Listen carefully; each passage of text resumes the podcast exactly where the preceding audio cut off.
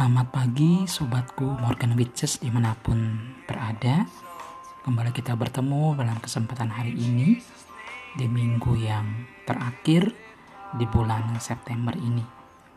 Mari kita bersama-sama kembali menyambut hari Tuhan yang baru ini Dengan penuh ucapan syukur. Mari kita naikkan hati kita kepada Tuhan Kita angkat hati Tuhan Angkat hati kepada Tuhan dengan ucapan syukur untuk segala kebaikannya di hari ini. Mari kita bersama-sama mengambil waktu teduh di hadapan Tuhan.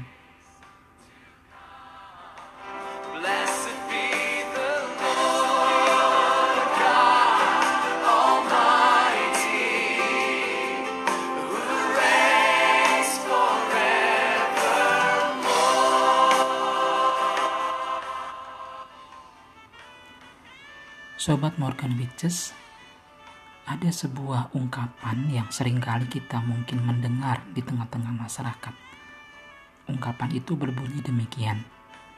Fitnah lebih kejam daripada pembunuhan. Fitnah lebih kejam daripada pembunuhan. Mengapa demikian? Sebab bagi sebagian orang, pembunuhan mengambil nyawa seseorang. Namun, fitnah itu telah membunuh mental, karakter, dan mencemaskan atau mencemarkan nama baik seseorang. Terus sebabnya banyak orang mengatakan fitnah itu lebih kejam daripada pembunuh, pembunuhan. Sobatku dalam Tuhan, kalau kita melihat dalam teks bacaan kita pada hari ini yang terambil dari Mazmur 109. Mari kita membuka Alkitab kita. Kita membuka dari Mazmur nomor 109. Sobatku dalam Tuhan, kalau kita melihat dalam bagian itu, kita mendapati bahwa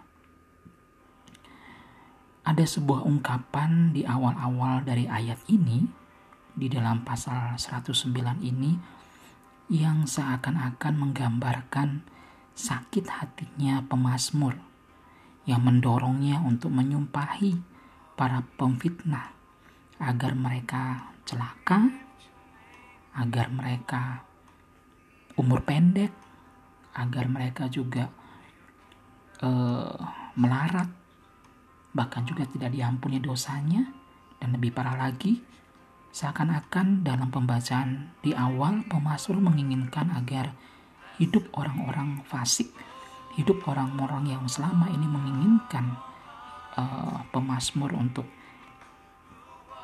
uh, hidupnya menderita justru dikatakan dikutuk hidupnya. Sobatku dalam Tuhan itu bisa tertulis kita lihat dalam Mazmur 109 ayat 6 sampai ayat 20.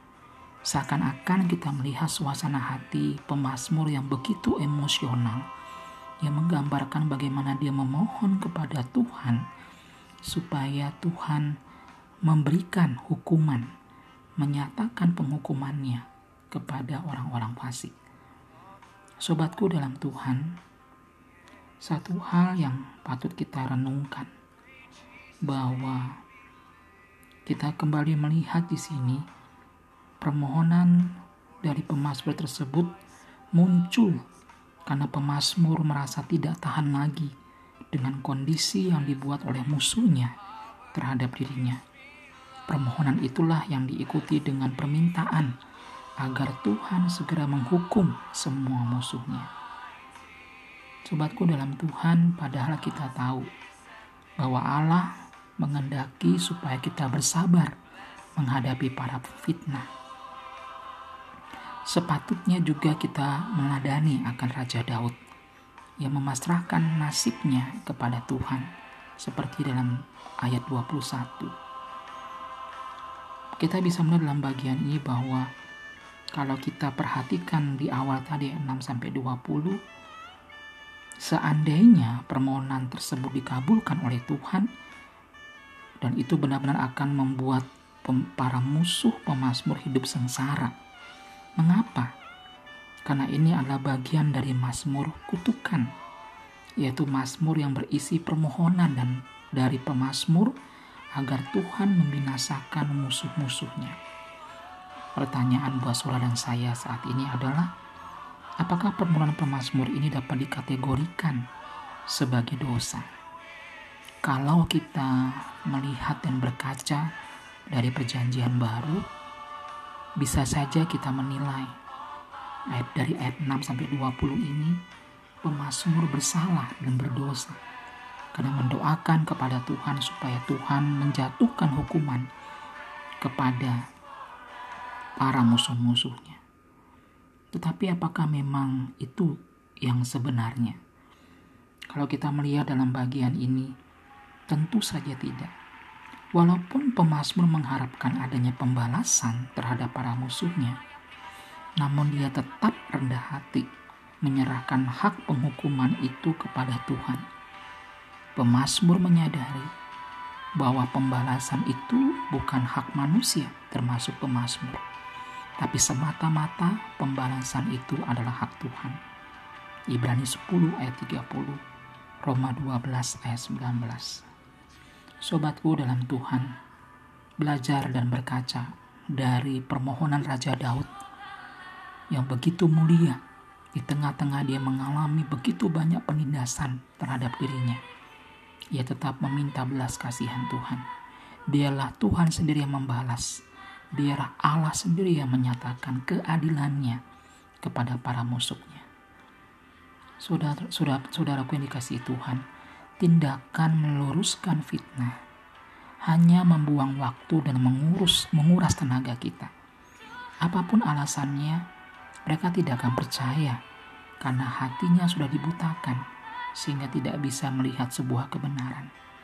Jika seseorang sudah dikuasai dengan sakit hati, dendam, bahkan amarah, maka sulit sekali dia bisa melihat dari sisi yang positif bagaimana menanggapi dan menghadapi setiap fitnahan yang tertuju kepadanya. Sobatku, refleksi kita pada hari ini. Dari perikop ini, kita melihat nasihat yang penting untuk kita bisa pahami dan pelajari hari ini, yaitu kita tidak perlu membalas kejahatan orang lain dengan tindakan yang berdasarkan niat untuk membalas dendam. Kalaupun kita tersakiti, kalau ada lagu hati yang kau sakiti, itu ya. Kalaupun hati kita tersakiti oleh orang lain, difitnah berkali-kali orang oleh orang lain, bawalah itu dalam doa Mintalah supaya Tuhan yang menyatakan keadilan pada waktunya. Dan berdoalah juga supaya orang yang memfitnah itu bisa bertemu dengan sang kebenaran itu.